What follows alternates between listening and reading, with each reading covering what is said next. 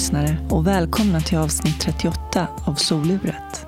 Jag heter Jasmine Nilsson och i Soluret möter jag människor från alla samhällsskikt. Jag är nyfiken på vad som formar oss till de vi är. Kan en avgörande händelse påverka eller definiera en människa? Eller är det årsringarna som formar oss? Hur påverkar miljöer och människor oss? Hur påverkas våra vägval av våra förutsättningar? Dagens intervju spelades in i Dieselverkstaden i Stockholm. Min huvudsamarbetspartner är det internationella hjälpmedelsföretaget Invacare. Idag får ni möta Vedad Begovic. När han som 20-åring blev inkallad till det jugoslaviska kriget bestämde han sig för att fly till Sverige.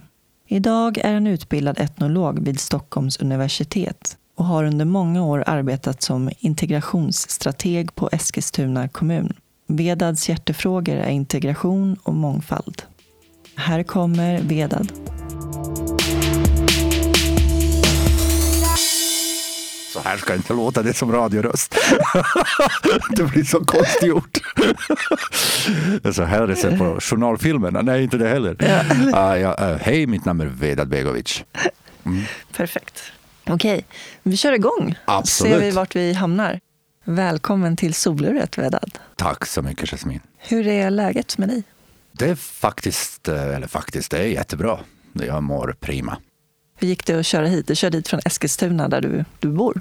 Ja, jag körde bil faktiskt och jag ville utmana mig själv och ta bil till Stockholm. Jag är väldigt dålig på att köra bil i stora städer. Mm. Och eh, GPS, jag hade två GPS på, men um, båda fungerade bra innan man kör in i tunnel. Men sen när man kör in i tunnel, då blir det svårt. Då, börjar de, då får man panik. Då får man panik och då brukar jag alltid ta fel avfart. Så ja. jag har sett lite av Stockholm i morse. Så jag har sett lite Globen. Skogskyrkogården har jag också sett. Ja. Ett tag tänkte jag parkera där och ta taxi därifrån. Nej, men, uh, men sen tänkte jag, måste, jag måste köra ända till, till målet. Ja. Och det lyckades jag med. Det ja, tog det uh, kanske en extra ja, 45 minuter, en timme, men jag är här.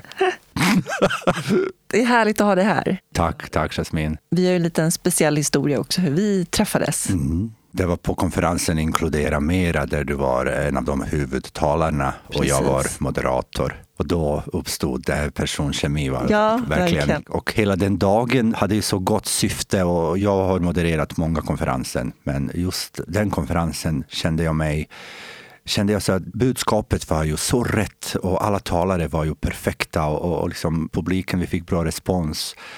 Jag lärde känna dig. Det var fantastiskt. Jag har mm. bara positiva minnen av den dagen. Och vi fick också utvärderingen från den konferensen och det var ju wow. Det syntes verkligen att, att eh, publiken också tyckte att det var bra. Men eh, du är etnolog. Jag är etnolog. Och eh, integrationsstrateg. Inte nu längre. Det var jag fram till eh, ett och ett halvt år sedan. Nu jobbar jag som eh, processledare på Samordningsförbundet i Södermanland. Det är en finansiell samverkan mellan landsting, kommunerna, Arbetsförmedlingen och Försäkringskassan. Jag samordnar gemensamma projekt och aktiviteter och med arbetslinje i fokus. Och det kan vara personer som av olika anledningar står utanför arbetsmarknaden och som har koppling till någon av de myndigheterna som ingår i den finansiella samverkan. Mina hjärtefrågor är ju jämställdhet, mångfald, antidiskriminering. Så jag föreläser och modererar olika konferenser, framförallt med teman som har mänskliga rättigheter i fokus. Det är det du brinner för? Det är mitt liv. Jag har förstått det. Mm. Men vi kan väl eh, ta det från början. Mm. Du föddes 1968, den 22 juli, mm. i för detta Jugoslavien. Före detta Jugoslavien. I den delen av Jugoslavien som idag heter Bosnien-Hercegovina. Men Jugoslavien var ju mitt hemland, så att säga. Jag bodde i det landet ända tills jag flydde till Sverige. Så jag kom hit som jugoslav. Och under tiden, precis några månader efter att jag hade kommit hit, då splittrades landet och eh, Bosnien-Hercegovina utropade sin självständighet. Så jag blev bosnier i Sverige. Så nu är jag bosnier och det är inte mig emot. Det är helt okej. Okay. Jag är bosnier i och med att jag kommer från den delen som idag heter bosnier, men Bosnien-Hercegovina. Men, men ändå, just den här identitet. Jag kom hit som jugoslav och blev bosnier i Sverige och sen skulle jag helst vilja bli svensk. Men, ja, så det är liksom olika identiteter som mm. går in i varandra men som ändå utgör mig som jag är. Allt detta har format mig. Hur var din uppväxt? Det var väldigt trygg, lite på gränsen till tråkig. Eh, medelklassfamilj. Föräldrar som hade fina jobb. Eh, vi hade så en villa i förorten och brorsan och jag, vi var fyra alltså i familjen. Det var ju medelklassvärderingar som präglade min bakgrund mycket fokus var ju på min karriär och min framtid och så vidare. Den enda som jag dock ville göra det är att bli skådespelare. Det fanns ingenting annat. Första gången jag klev in på scenen på Stadsteater eh, som, som barn. Jag, eh, jag kände scenen är ju mitt andra hem. Det kanske bottnar i att jag alltid har varit lite introvert. Har alltid um, drömt mig bort, reflekterat över mitt liv och velat alltid var, vara någon annanstans. Och eh, teater gav mig den möjligheten att kunna vara någon annan. Att gå in i en annan roll uh, och känna hur det känns eller hur det är att vara någon annan.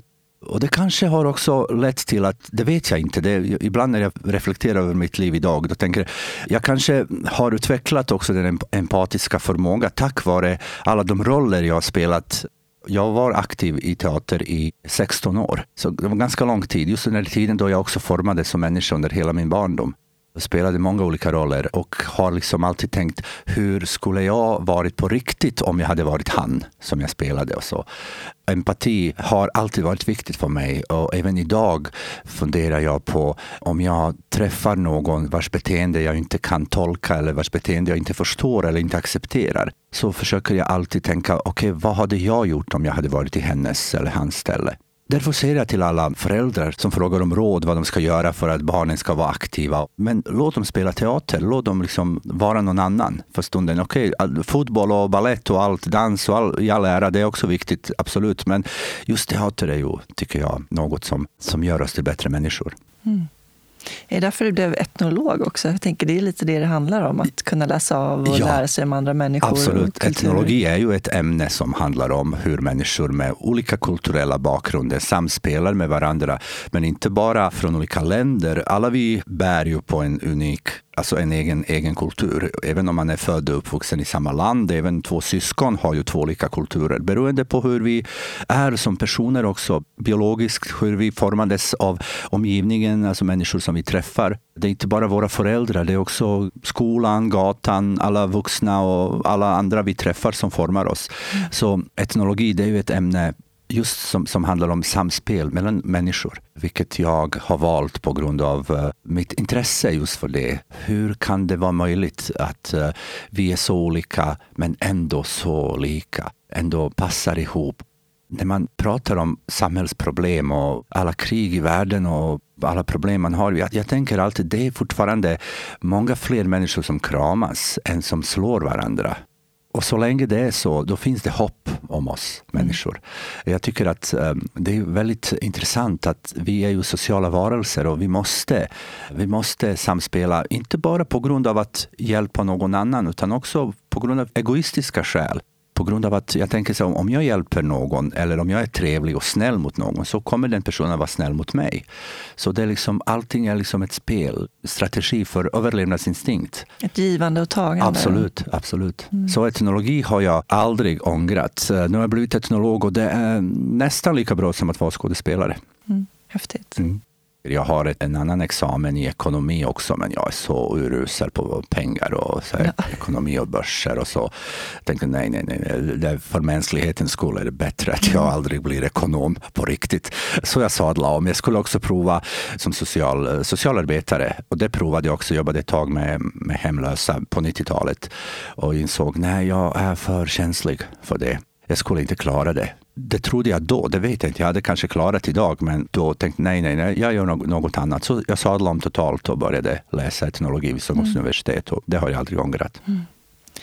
Jag tänkte hoppa tillbaka till, eh, jag vill säga Jugoslavien hela tiden, Jugoslavien, men det är ju Bosnien. Du, absolut, Bosnien, Jugoslavien. Jugoslavien finns inte längre. Uh, Jugoslavien är ett minne. För mig är det mm. ett väldigt fint minne. Idag finns inte längre landet och i och med att vi klassas utifrån de nya länderna idag. Så det är ju som vi är antingen bosnier, serber, kroater, makedonier, slovener, montenegriner det viktigaste är att vi ändå förstår varandra och att vi, det finns ändå någon slags känsla av samhörighet mellan oss. Man kan säga vad man vill om kriget och så, men eh, det finns ändå någon slags Balkan, Balkankänsla mm.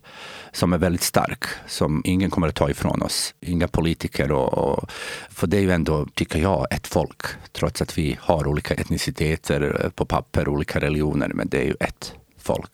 Mm. Det var en stad, ungefär 100 000 invånare men kommunen. Stad, själva staden var lite mindre förstås. Påminner mig väldigt mycket om Eskilstuna, även utseendemässigt. Den här ån som finns i Eskilstuna, vi hade något liknande, en, en flod som heter Sava.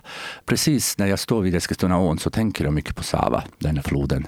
Jag har ändå alltid drömt om att den staden var ju vacker, men inte tillräckligt stor för mig. Som sagt, jag hade skådespelardrömmar. Jag skulle aldrig lämna Jugoslavien. Det har jag aldrig drömt om, att liksom flytta till ett annat land. Det enda stället utanför Jugoslavien som jag hade tänkt mig åka till, det är ju typ Hollywood. Då jag skulle liksom, ja, plocka upp en Oscar yeah. och sen komma tillbaka för, förstås. Det var mina drömmar då. Men jag, jag, drömde mig ändå bort till större stad, kanske Sarajevo eller Belgrad eller Zagreb. Där det fanns mera teatrar och filmmöjligheter och så. Hade liksom jag hade bråttom att bli vuxen tog på mig alldeles för mycket ansvar. På vilket sätt? Uh, alltså, det var just det här att liksom jag skulle liksom bort från, från staden och det var också kanske en roll jag spelade, det vet jag inte. Men, men jag kände att jag, jag hade ingen tid för att liksom leka, för att vara ett barn. Jag, eh, jag var yngst i familjen, brorsa är två år äldre. Men ändå har jag alltid varit den som har tagit del av sig vuxnas problem och mina föräldrar har också förstått det liksom på något sätt att jag vill vara med om det här vuxna, uh, vuxna livet jag kan skratta idag när, när mina vänner som har barn som tänker oj, det här får han eller hon inte höra. Mina föräldrar har precis tänkt tvärtom. Det här måste Vedad höra. Ungefär som liksom, det här blir liksom en läxa för honom för framtiden. Så jag har liksom, ända sedan jag var barn varit en del av vuxenvärlden och inte minst i teatern när vi turnerade. Vi var ju allt från 10 år gamla till 80 år vuxna som också hade problem, som grät, som grälade. Eh, det var inte bara mamma och pappa som utgjorde min vuxna värld, utan det var ju också, vi kom så nära in på varandra. Du växte upp i en trygg miljö, Verkligen. medelklass. Mm. Eh, religionmässigt, jag är muslim. Ehm, jag är uppvuxen i en eh, sekulariserad familj. Föräldrarna var sekulariserade. Däremot morföräldrar var ju djupt troende. Sen hade jag en kvinna som uh, tog hand om mig. Hon flyttade in när jag var två månader gammal. Varför också... gjorde hon det? Var det var för att hon, barnflicka? Hennes, ja, hon, absolut. Hon tog hand om mig och min bror. Okay. Hon var också ganska troende. Idag är jag inte troende alls. Jag anser mig själv som ateist. Men jag har ju, i och med att jag är uppvuxen bland de äldre troende personer som har lärt mig lite grunderna inom religionen. Vilket gör att jag idag respekterar. Nu pratar jag inte bara om islam, pratar om alla religioner för att jag är uppvuxen i en väldigt mångreligiös miljö. Och religion var ju för mig lika med respekt. Man behöver inte själv vara troende för att respektera det de troende runt omkring mig, det var ju fantastiska personer. Idag när man tänker på religion, man ofta förknippar med något som är bakåtsträvande och så. För mig behöver det inte vara det. Det är fint egentligen att ha tro. Och det är också som etnolog, religion är ju en stor del av vår identitet. Eh, mm. Det har jag lärt mig och det har jag liksom verkligen sett inom ramen för mitt jobb. Jag förstår. Mm. Hur gick det i skolan? Alltså I skolan var jag ganska duktig, får, man säga så om sig själv? Ja, absolut. Jag var väldigt bra elev, hade alltid det högsta betyg. Hade lätt för alla ämnen. Det är också en del av det här att jag hade bråttom att bli vuxen. Jag läste mycket jag lyssnade noga på lärarna och mycket av det här som jag kunde sen lärde jag mig på plats. Jag behövde inte ens kanske läsa så många gånger för att liksom ta in det här budskapet. Jag har lärt mig ganska mycket redan under lektionerna. Jag hade en förmåga att koncentrera mig och lyssna och ifrågasätta. Och jag ifrågasatte hela tiden saker och ting och diskuterade mycket med mina lärare och så, ända sedan jag var barn. Tog aldrig saker för givet. Men det låter som att du var väldigt eh, du var målinriktad, ambitiös, du visste vad du ville göra i det livet. Det var jag hela tiden. Hela tiden. Just det, här, det var en del av det här att vilja bli vuxen. Alltid resultatinriktat. Och det är jag fortfarande. Jag gillar inte när folk klagar på hur mycket de jobbar. Utan jag vill att de ska berätta för mig hur mycket de har gjort. Det är alltid resultat som är viktigt. Därför kan jag också ibland känna när jag själv gör något där jag inte ser resultat, även om jag får beröm av andra, även om andra tycker att det är bra. Om jag själv inte upplever det så kan jag bli lite nedstämd för att liksom det är meningslöst. Ens arbete blir meningslöst. Då är det bästa sättet att bryta ner en människa För mig är det inte från någon annan. För mig är det, det kommer inifrån, så att säga. Att jag ifrågasätter allt jag gör. Men det, det har jag lärt mig att hantera. Men eh, kan du ta oss tillbaks till eh, tiden då mm. kriget mm. började och liksom hela den konflikten. Var befann du dig i livet då? Då hade jag precis gjort lumpen, kommit tillbaka och skulle gå in på scenhögskola. Jag blev inte antagen och tänkte okej, okay, jag börjar nästa år igen. Det spelar ingen roll. Under tiden så läste jag, i och med att vi hade ekonomihögskola i min hemstad. Jag tänkte, ja, jag provar. Jag, jag läser någonting bara så att inte vara sysslolös. Och um, året därpå så lyckades jag inte heller komma in på scenhögskola. Men jag, jag var optimist. Jag lyckas förr eller senare. Men då började oroligheterna allt mer från olika håll. Och um, jag kände att något skulle hända. På vilket sätt var det oroligt? Helt plötsligt började folk välja sidan. Började prata om vi och dem. Eh, jag hade aldrig varit medveten om det här vi och dem. Jag visste vem som var bosnisk muslim och vem som var serb och vem som var kroat, montenegrin. Alltså det, det visste jag, men det var inte vi och dem. Alla var vi. Eh, men sen helt plötsligt så blev det vi och dem man skulle välja sida. De vill skada oss och det är bara vi som vill ha väl åt varandra, ingen annan. Sen plötsligt, vilka är vi? Vilka är de? I min släkt var det också flera ingifta som var andra, andra religioner. Mina barndomsvänner, det var ju folk från olika håll och kanter, så att säga, olika etniciteter och religioner. För mig var det ju helt normalt att man levde i så kallad mångfald på ett positivt sätt med respekt till varandra. Men sen började helt plötsligt uh, den här första så kallade demokratiska val i forna Jugoslavien. Det kom som en negativ överraskning för mig när det visade sig att nationalistiska partier fick massa röster. Jag, jag trodde inte det. Jag trodde att vi skulle välja någon slags riktning uh, mot det vi alla tillsammans. Men uh, tyvärr, många valde på grund av rädsla. Just på grund av den här retoriken, vi och dem. De skadar oss om vi inte håller ihop. Många valde att rösta på nationalistiska partier. Och katastrofen var ett faktum. När nationalisterna började härja och ha makt så dröjde det inte länge förrän det inte blev bra. Och ganska snart började kriget, i, först i den delen som idag heter Slovenien. Sen kriget spred sig till Kroatien. Min hemstad i Bosnien var ju på gränsen till Kroatien så vi såg ju krig på andra sidan. Alltså man såg ju på andra sidan floden. Och eh, det var då jag bestämde mig. Jag, jag flyr. Man tror på det värsta men hoppas på det bästa. Hur gammal var du då? Jag var 22. Du hade gjort lumpen, du blev inkallad? Ja, jag då, blev inkallad. Jag blev inkallad för att kriga i Kroatien. Och eh, ett krig som jag, för mig var obegripligt meningslöst och som jag absolut inte ville ta del av när jag fick den här kallelsen, det var då jag bestämde mig. Jag lämnar landet. Visste inte först vart jag skulle ta vägen. Hade några alternativ, eh, några andra länder i Europa, men här i Sverige bodde min barndomsvän som eh, skrev ett brev till mig. Kan du tänka dig på den tiden man skrev brev ja, till varandra? Fint. Det var 91. Han skrev så här i en mening. Vedad, jag har sett två svenskar, en man och en kvinna, som håller i hand ett mörkhyat barn. Och I det här landet så gör man inte skillnad på svarta och vita. Du skulle älska det här landet, Vedat. Och jag vet inte hur mycket just det som han skrev som avgjorde att jag skulle komma hit. Eller också, det var ju handlade om tryggheten i och med att jag kände, flyr jag, åker jag någon annanstans, då vill jag ändå ha någon som jag, som jag är uppvuxen tillsammans med. Så jag valde Sverige. Men din familj då? De hoppades in i det sista på att det skulle bli bra. Att de skulle på något sätt hitta någon lösning. Så de stannade kvar. De ville inte fly. Brorsan och jag kom hit och sen som sagt under tiden så spred sig kriget till Bosnien och de blev kvar. Men det var inte bara de, det var ju alla andra som jag älskade och alla mina barndomsvänner och släkt och grannar och alla.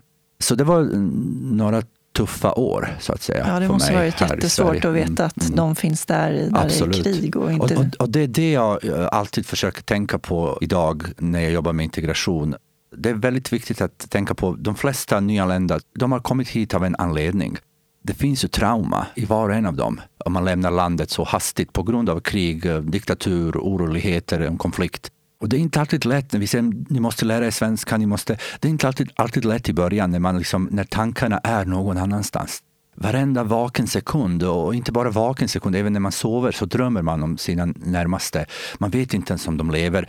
Eller även om de om man har hört att de är okej, okay, idag har man möjligheter via Skype och allt möjligt. Och liksom, vi har mycket bättre möjligheter än det fanns i början på 90-talet. Men man vet att ändå vilken sekund som helst kan de dö, kan de försvinna. Jag försöker alltid i mitt arbete med integration tänka på hur jag hade haft det när jag kom till Sverige den första tiden. Och det var inte den lättaste tiden i mitt liv. Det är en tid som jag faktiskt, Jasmine, inte så ofta pratar om. Nu när du ställer den frågan, det var länge sedan jag ens funderat på det. Jag har liksom på något sätt lyckats förtränga det. Just de här detaljerna i den stora hela minns jag alla utmaningar och alla problem jag kände. Men, men just detaljerna har jag liksom förträngt. För att det är en överlevnadsmekanism. Det är en överlevnadsmekanism, verkligen. Även om jag har klarat mig ganska bra. Jag har haft uh, ändå stöd. Jag hade tur också att träffa rätt personer på rätt plats vid rätt tidpunkt. Ja. Som kunde vägleda mig. I mitt fall lyckades jag ändå både lära mig svenska under tiden och börja på nytt på den tiden visste jag att Sverige var ju min framtid. Hur Sverige än var, det var mitt enda framtid. Dina föräldrar klarade de sig? De klarade sig. De var där i kriget under 14 månader och sen uh, lyckades de ta sig till uh, Prag. Tjeckien. Så de flydde? De, de flydde. De lev, levde där. De bodde i Prag under kriget. Sen uh, flyttade tillbaka till Bosnien. De ville mm. hem. De ville aldrig komma till Sverige. De har aldrig varit här. Är det sant? Det är sant. Okay. Jag, jag, är faktiskt kanske den enda som aldrig haft besök av mamma och pappa. Jag har slutat eh, tjata. Jag försöker inte ens övertala dem längre. Deras önskan är ju på något sätt, fortfarande pratar de ofta om att eh, de vill att brorsan och jag ska återvända. Mamma kan ringa sådär mm, en så här onsdag natt eh, jag har en idé. Du kanske hittar ett jobb. Eller, alltså, alltid så har någon De kan idé. inte acceptera. De kan inte acceptera efter 28 år. De kan inte acceptera att vi inte är där. Även om jag åker dit ganska ofta. Och inte bara för föräldrarnas skull. Jag trivs ju där. Det är ju ändå en del av mitt liv. Men föräldrarna har lite svårt att acceptera att vi kanske är här för alltid. Det vet man inte. Men som läget är nu så planerar jag inte att återvända idag. Men de föredrar att vi åker dit istället, för då känner de att ju mer vi är där, desto mer um, koppling. Vi kommer att behålla den här känslan till uh, landet, till, till Bosnien. Om de skulle börja hälsa på och komma hit, då skulle vi kanske tänka, okej, okay, men mamma och pappa har varit här. Vi behöver inte åka till Bosnien. Och sen kanske vill de inte heller se hur vi har det. Det vet man inte. De kanske har en föreställning att vi har det jättebra. har ni inte det då? ja, för det mesta, men inte alltid. Ja, du vet, livet kommer emellan ibland. men eh, berätta om den första tiden i Sverige. Alltså första tiden i Sverige, det var ju som jag sa väldigt eh, alltså turbulent. Mycket känsloladdat, mycket oro. Samtidigt som jag började ganska tidigt. Jag kom in på den här SFI, det obligatoriska som alla nyanlända svenska för invandrare. Jag klarade det på tre månader. Jag minns att jag tänkte nu måste jag lära mig svenska. Jag levde med det svenska språket dag och natt. Läste mycket. Jag minns att jag eh, spelade på teater var det Strindberg, Fröken Julie och eh, Fadren. Jag kunde den här Fadren framför allt utan till. Så jag lånade Fadern på svenska. Så jag eh, förstod sammanhanget. Inte vartenda ord, men förstås 90 procent av ord var ju obekanta för mig. Så jag hade en ordbok och eh, varenda mening läste jag och sen slog upp orden i ordboken. Så jag som sagt ville lära mig svenska. Jag visste inte då hur länge jag skulle vara i Sverige, men eh, så länge jag var här så ville jag göra mig begriplig. Jag ville förstå vad människorna pratade så på gatan jag hade lite svårt att eh, acceptera den faktum att även om jag kunde engelska och många kan engelska i Sverige, men det är ändå inte samma sak. Jag fick tips av några som sa till mig att jag skulle börja lyssna på dansband. Texterna är väldigt, eh, väldigt enkla, begripliga och det finns väldigt många uttryck och fraser som jag kan använda i vardagen. Men också andra artister som var aktuella i början på 90-talet. En artist som jag alltid har älskat, som var då aktuell med Himlen runt hörnet, Lisa Nilsson. Oh, jag lyssnade på det här kassettbandet och kunde alla texter utan till. Så jag oh. kunde knappt säga hej, jag heter Vedad, men jag kunde säga varje gång jag ser dig känns det som om allting stannar till. Sen när jag lärde mig texterna utan till och det hade jag liksom från teater, liksom, att man måste lära sig saker utan till och då förstod jag med tiden vad det handlade om. Så det var musiken hjälpte mig väldigt mm. mycket. Mm. Och det är det här, liksom, alla, alla medel är tillåtna när man lär sig ett annat ja, språk. Såklart. egentligen idag skulle vilja träffa för att tacka dem för att de hade lärt mig svenska. Ja. Framförallt Lisa Nilsson. Vad fint. Ja, men språket är väl ändå nyckeln till samhället? Språket är ju allt. Ja. Den öppnar ju alla dörrar. I början när jag kom till Sverige så kände jag att svenskarna lät så högljutt. Nästan skrek på varandra. Och då minns jag att jag tänkte, varför är de så aggressiva? Bråkar de? Och jag började lära mig svenska och med tiden så blev svenskarna allt tystare. Och jag minns att jag tänkte, vart försvann alla dessa högljudda svenskar? Och då förstod jag, nej, de var inte högljudda, utan det var jag som inte förstod vad de sa. Och vi människor, vi är kommunikativa varelser. Vi måste förstå sammanhanget, vi måste förstå vad människorna runt omkring oss säger, annars känner vi oss otrygga. Och när man känner sig otrygg, man upplever det som ett hot. Och allt som är hot låter det mer aggressivt än det faktiskt är. Idag kan jag tycka att när man pratar arabiska, eller somaliska eller spanska, oj vad de skriker. Ja. Men de skriker inte, utan det är jag som inte fattar vad de säger. Precis. Det är det det handlar om. Så språket är ju allt. Vi, vi måste ju förstå varandra. Och då skapar det ju fördomar när Ja. man får sig overkliga Absolut. uppfattningar Absolut. om människor Mm. på grund av deras språk Mm. och hur det låter. Ja, ja, det stämmer. Och det är det första man måste lära sig. Och sen en annan sak som också måste lära sig när man hamnar i en annan miljö, det är att lära känna omgivningen. Vilken miljö man har hamnat i. Jag har läst väldigt mycket. På den tiden var det Herman Lindqvist som var väldigt eh, känd. Och det var ganska lättläst också. Jag, jag liksom ville lära mig lite om Sverige, om, om historia. Och inom etnologi, när jag började läsa 98, då var det också många andra böcker som ingick i kurslitteratur och så. Sen frågade jag mina svenska vänner, de som var lika gamla som jag, vad, vad tittade de på tv? Jag förstod den Hylands hörna och Vilsen i pannkaka och lite så här program som, vad hette hon, Anita med i Televinken, hette, hette det så? Ja, Ja, något nu sånt. är jag ju Ja. lite för ung för just Televinken. ja, ja. Men i alla fall, jag var i, på en annan planet då. Ja. Men jag, jag, var ny, nyfiken. Jag var nyfiken på, på Precis, Sverige. och det är det som gör att man lär sig också. Det är det som, absolut, absolut. Skådespelardrömmarna då? Det har jag insett eh, när jag kom till Sverige att jag måste, det får förbli bara en dröm. För jag insåg ganska tidigt att jag aldrig kommer att lära mig svenska så bra, just den dialektala. Jag kommer alltid att bryta. Vi har ju lite sådär, vi som pratar slaviska språk låter lite hårdare. Alltså vi har ju lite svårare generellt. Visst finns det en massa undantag, men generellt har vi svårare att liksom lära oss sådana germanska, lite mjukare språk. Framförallt svenska. När man tittar på vilka roller jag skulle kunna spela med mitt utseende, då, nej, jag ville inte bara hamna i sån kategori så att säga. Jag skulle, på den tiden tänkte jag att det fanns väldigt lite chans att jag skulle spela Hamlet. Hur stora chanser att jag skulle stå på en scen med en sån dödskalle i handen och säga att vara eller icke vara. Chanserna var väldigt små.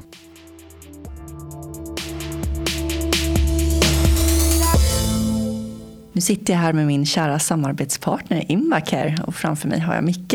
Hej Jasmin! Hej, hur är läget med dig? Du, det är bara bra. Det har varit bra väder. Mm. Hektiska dagar, hektiska veckor. Ja, ni har nyligen haft eh, mässa i Luleå. Vi har haft Hjälpmedelsmässan som branschorganisationen Medtech tillsammans med Hjälpmedelscentralerna arrangerat på lite olika platser, lite olika möten runt om i Sverige. Så det är precis avslutat uppe i Luleå. En bra mässa, mycket folk, roliga möten. Vad hade ni för nya produkter att visa upp? En ny produkt som heter Smooth, en liten påskjutsmotor som du hänger fast på din rullstol så att du får hjälp att ta dig fram smidigt och enkelt. Det är som ett extra hjul som man sätter fast. Exakt, ett litet extrahjul som man hänger fast under rullstolen som driver rullstolen framåt så att man sparar på axlar och väldigt lätt att styra och lätt att manövrera inomhus. Så det ska bli jättekul att se hur, hur det mottas eh, i resten av landet också. Men hittills har vi bara fått positiv feedback. Sen så har vi ju Hjälpmedelsdagen den 23 september Ja, där du bland annat ska vara med och ha lite föreläsningar. Ja. Så att, eh, Det blir kul, det ser jag fram emot. ja, verkligen och, och vi får hoppas att det kommer många människor. Det har redan börjat droppa in anmälningar i alla fall. Hur anmäler man sig? Man anmäler sig via vår hemsida så finns det information, invacare.se. Jättebra. Tack så mycket Micke. Tack själv.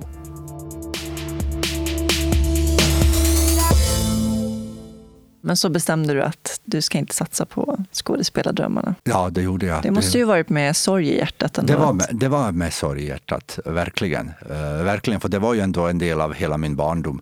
Men sen eh, tänkte jag, okej, du vet, när man, man har ju hört många tråkiga nyheter från hemlandet. En del grannar och barndomsvänner, skolkamrater som har dött, blivit dödade. Och då börjar man liksom värdera andra saker i livet. Okej, okay, det är kanske inte det värsta som kan hända i mitt liv, det är att jag inte blir skådespelare och får en Oscar i Hollywood. Jag kanske ska vara glad för att jag lever, för att jag inte behövde döda någon annan.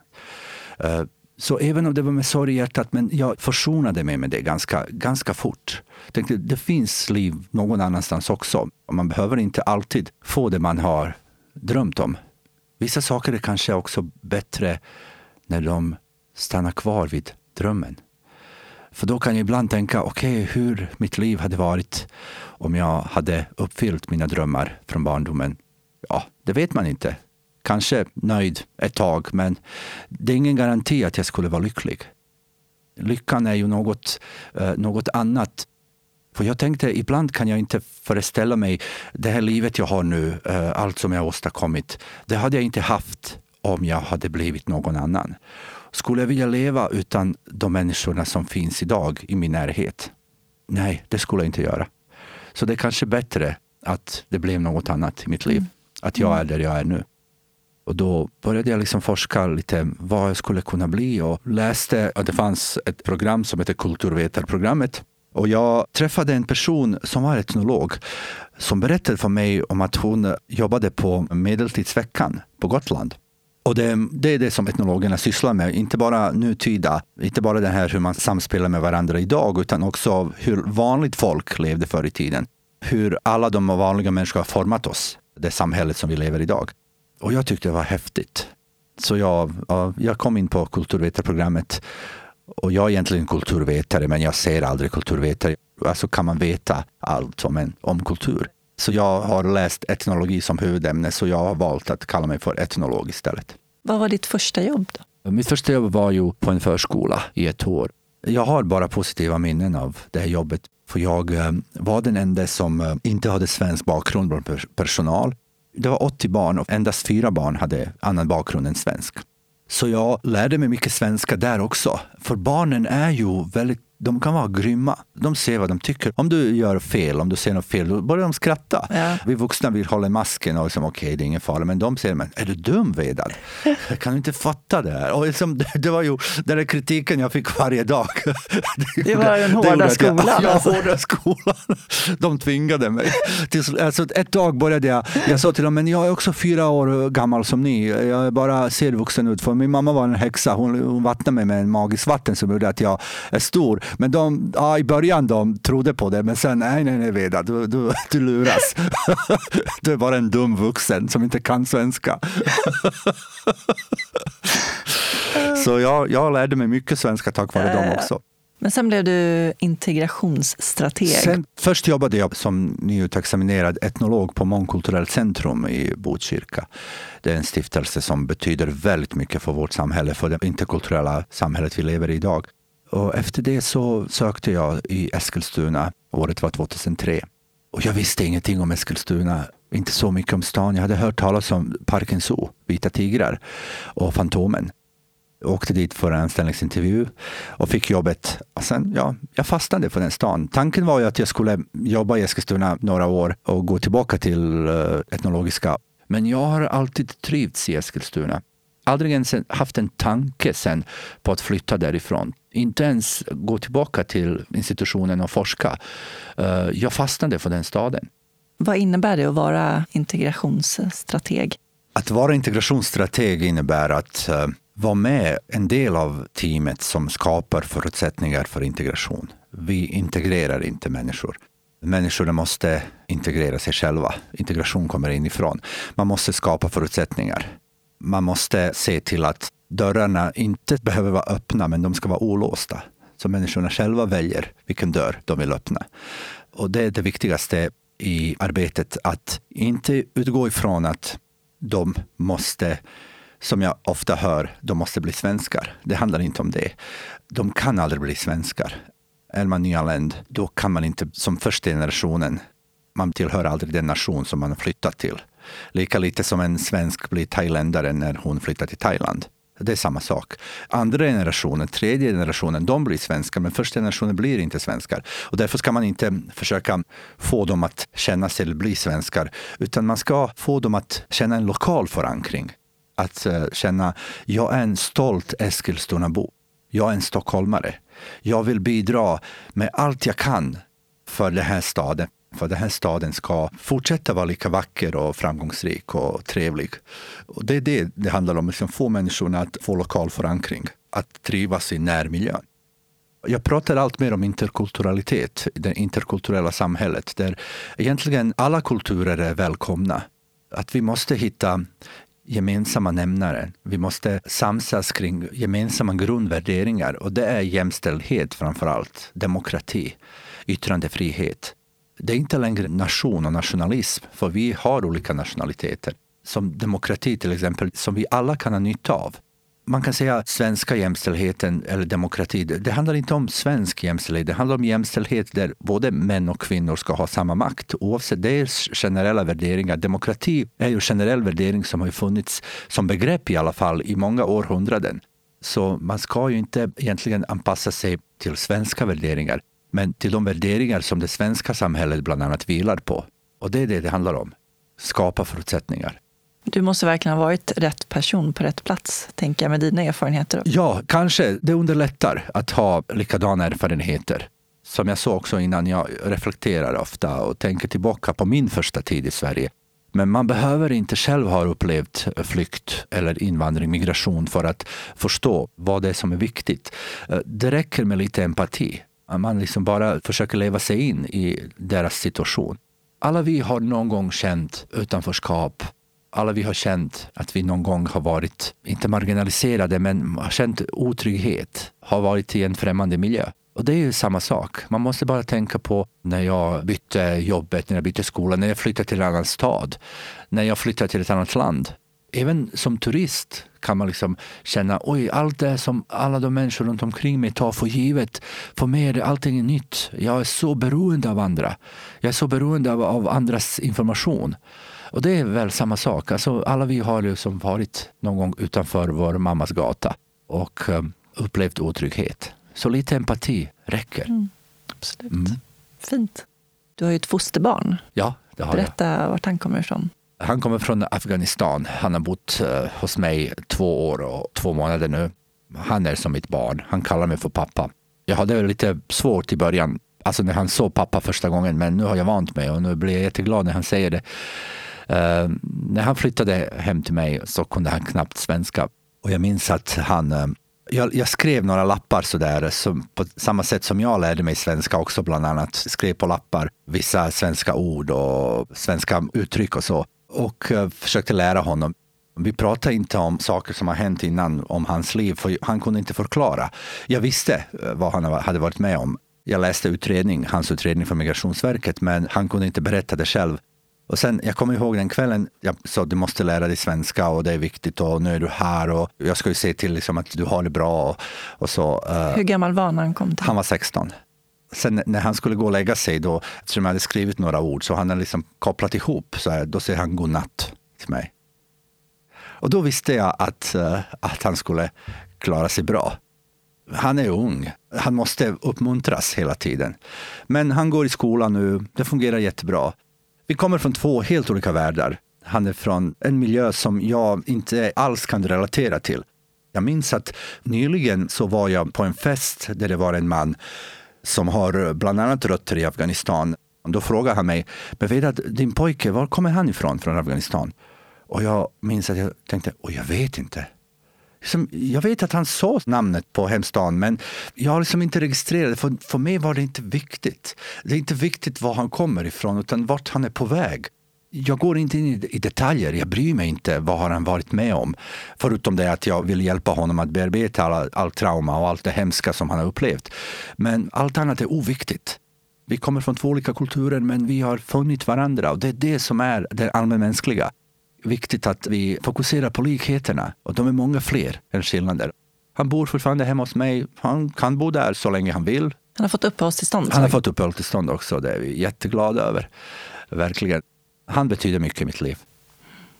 Jag tänkte komma in på mina standardfrågor nu. Mm. Vad innebär det för dig att vara människa? Att vara människa, det, man tänker ju först det här med logiskt tänkande och uppfinningsrikedom och självklart, det är det som har utvecklat oss till det vi är. Men det viktigaste, det som jag tycker ändå har utvecklat oss som sociala varelser, det är ju empati empatiska förmåga som inte behöver vara lika med acceptans, som inte är lika med kärlek. Men empati, att vi försöker förstå vad som finns bakom varje människas handlande. Det är viktigt att vi alla har en eh, känsla för att vi har ju olika sätt att vara. Vi har ju olika förutsättningar i livet, olika bakgrunder. Ända sedan jag var barn så har jag hört folk säga så här gör man inte.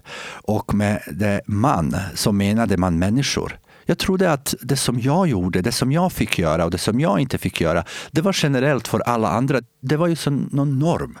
Sen med tiden, ju mer man, eh, när man mognar och man lär känna andra människor, så inser man okej, okay, mitt liv är inte, det är mitt liv, men det är inte den enda riktiga egentligen. Det är bara ett annorlunda sätt att vara, ingenting annat. Så det är ju det, empati om vi vill lösa någon konflikt, om vi vill klara någon utmaning vi har i samhället, så måste vi alltid förstå vad som finns bakom, även om det handlar om de mest hemska saker som en människa kan göra. Att förstå vad som ligger bakom hans eller hennes handling. Men empati är ju för det mesta, man blir inte rädd för människor. Man, blir inte, man känner sig inte otrygg i någon annans sällskap ju fler vänner, ju fler människor man är omgiven med, desto lättare klarar man sig genom vardagen, genom livet. Så det är viktigt att, att vi alltid tänker på vad som finns bakom det här ordet, den här handlingen, bakom människan som vi har precis träffat. För skulle vi veta allt, det är kanske inte möjligt, men jag tänker ofta på när någon beter sig på ett sätt som jag inte är van vid att, att se från henne eller honom. Då kan jag tänka, men vänta, hon kanske hade en dålig dag. Det vet jag inte. Vad ligger bakom det här? Jag tar inte i första hand personligt mot mig, utan tänker på det kan vara något annat. Det får mig att inte överge den personen. Sen kan man göra det om det fortsätter. Självklart, man ska inte acceptera vad som helst, men för det mesta ska man försöka förstå. Vad betyder frihet för dig? Frihet är ju, som Jenny Joplin sa, frihet är en annan, ett annat ord för ingenting annat att förlora. det, uh, nej, alltså jag tycker att frihet för mig är en möjlighet att själv få välja sitt liv. Att leva som man vill, att bli accepterad som man är. Det är den största friheten. Tyvärr, väldigt många bland oss lever i lögn. Ibland begränsar vi oss själva mer än samhället begränsar oss, för vi utgår ifrån vad normerna säger. Men frihet är ju just det här att jag, jag lever som jag känner för. Förstås inom lagens ramar. Det är inte anarki jag förespråkar här, men i alla fall att jag får vara det jag är. Jag får liksom uttrycka alla mina identiteter i alla sammanhang. Att jag inte behöver skämmas för min person. Ibland kan jag också utsätta mig för lite sådär obekväma grejer också. Bara för att sen känna wow, vad fint jag mår när jag har blivit av med det här. Du vet, när man tar på sig något uppdrag som är jättejobbigt Alltså det är inte kanske känna sig ofri, men det är det ändå. Som att man är inte trygg i det här. Men liksom, jag tar på mig det ändå. För att liksom, efteråt, när jag väl klarar det, så känner jag wow, vilken frihetskänsla. Ja, vi måste utmana oss själva. Jag håller med dig. Mm. När grät du senast? Faktiskt förra helgen. Konstigt med tanke på att jag gråter väldigt sällan. En gång i början på 90-talet, då hade jag precis kommit till Sverige, så hade jag ögoninflammation. Jag minns att jag gick till en ögonläkare och då sa hon till mig, gör det ont när du gråter? Och då tänkte jag, men vänta, är det inte därför man gråter? För att det alltid gör ont någonstans, antingen i kroppen eller själen.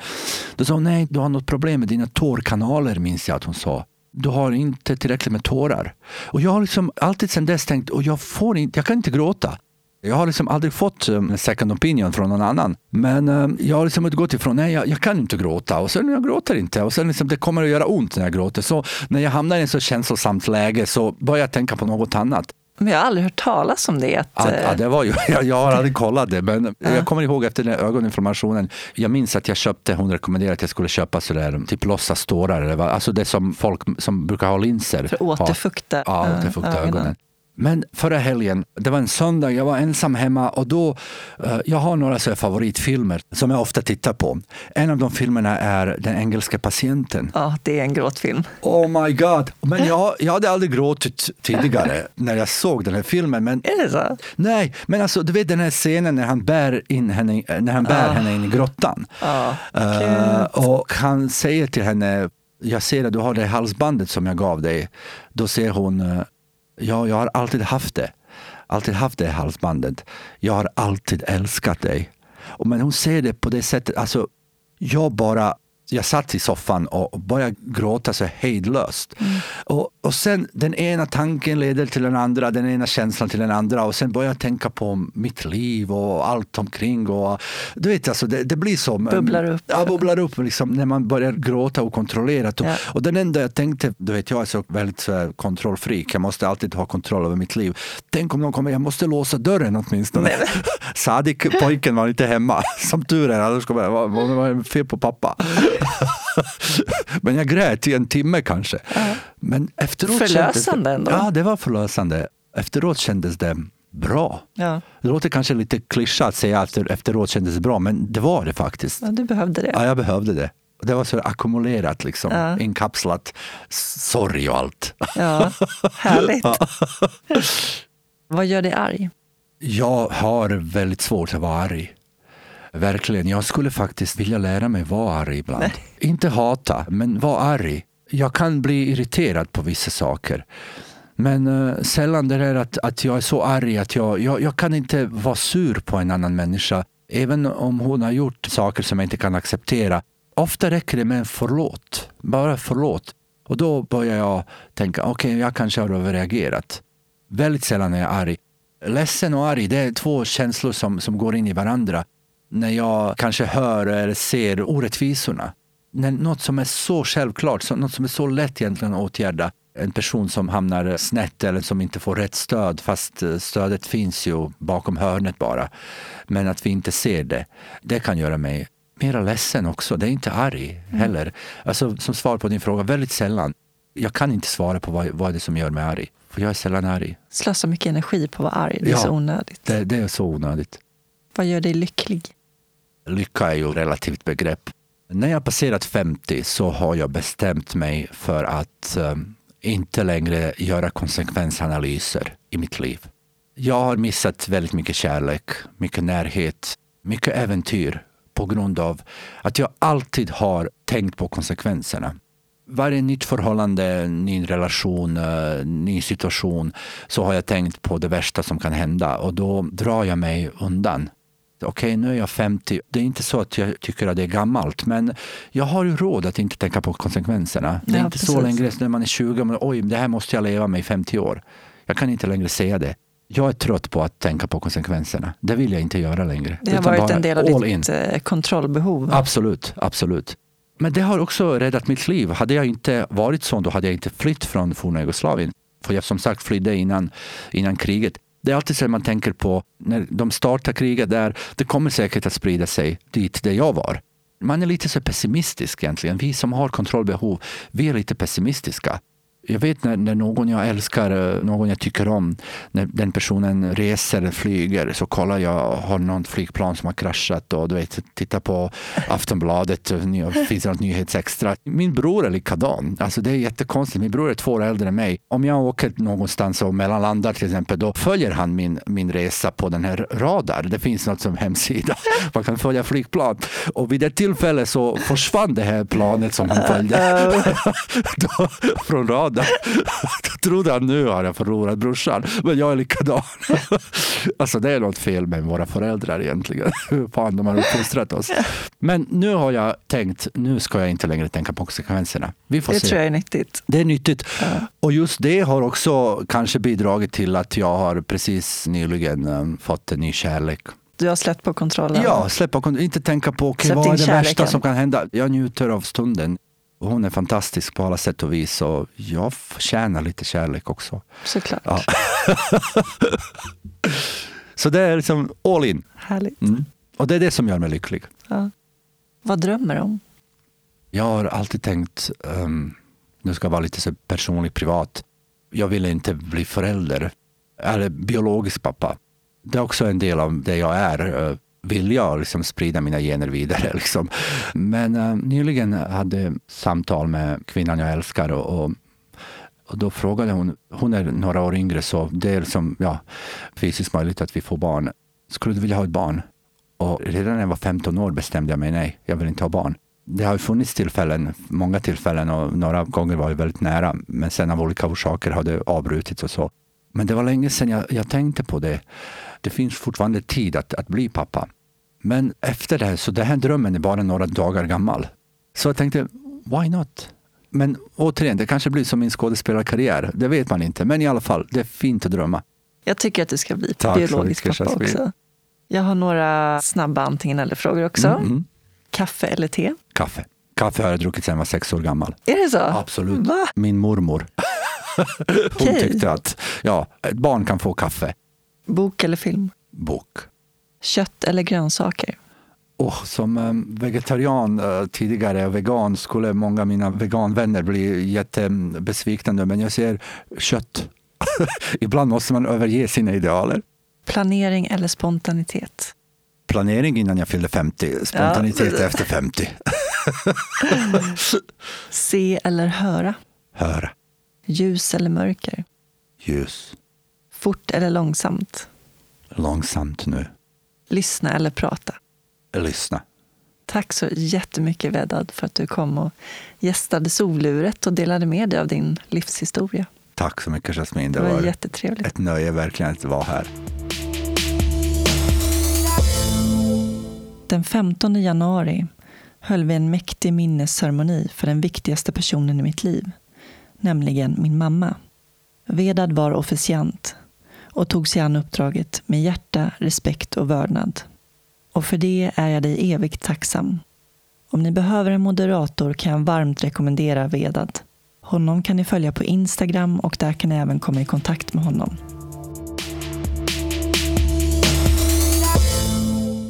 Tack till min huvudsamarbetspartner Invacare. Som Mikael på Invacare nämnde tidigare så anordnar de ett event på Hjälpmedelsdagen den 23 september.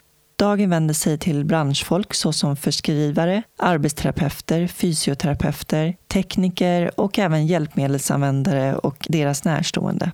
Man får en förhandsvisning av årets produktnyheter för 2019 och två föreläsningar med Immacares ambassadörer Mikael Andersson som föddes utan ben och armar och är en av Nordens främsta föreläsare.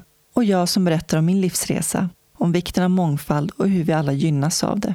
Mer information finns på invacare.se.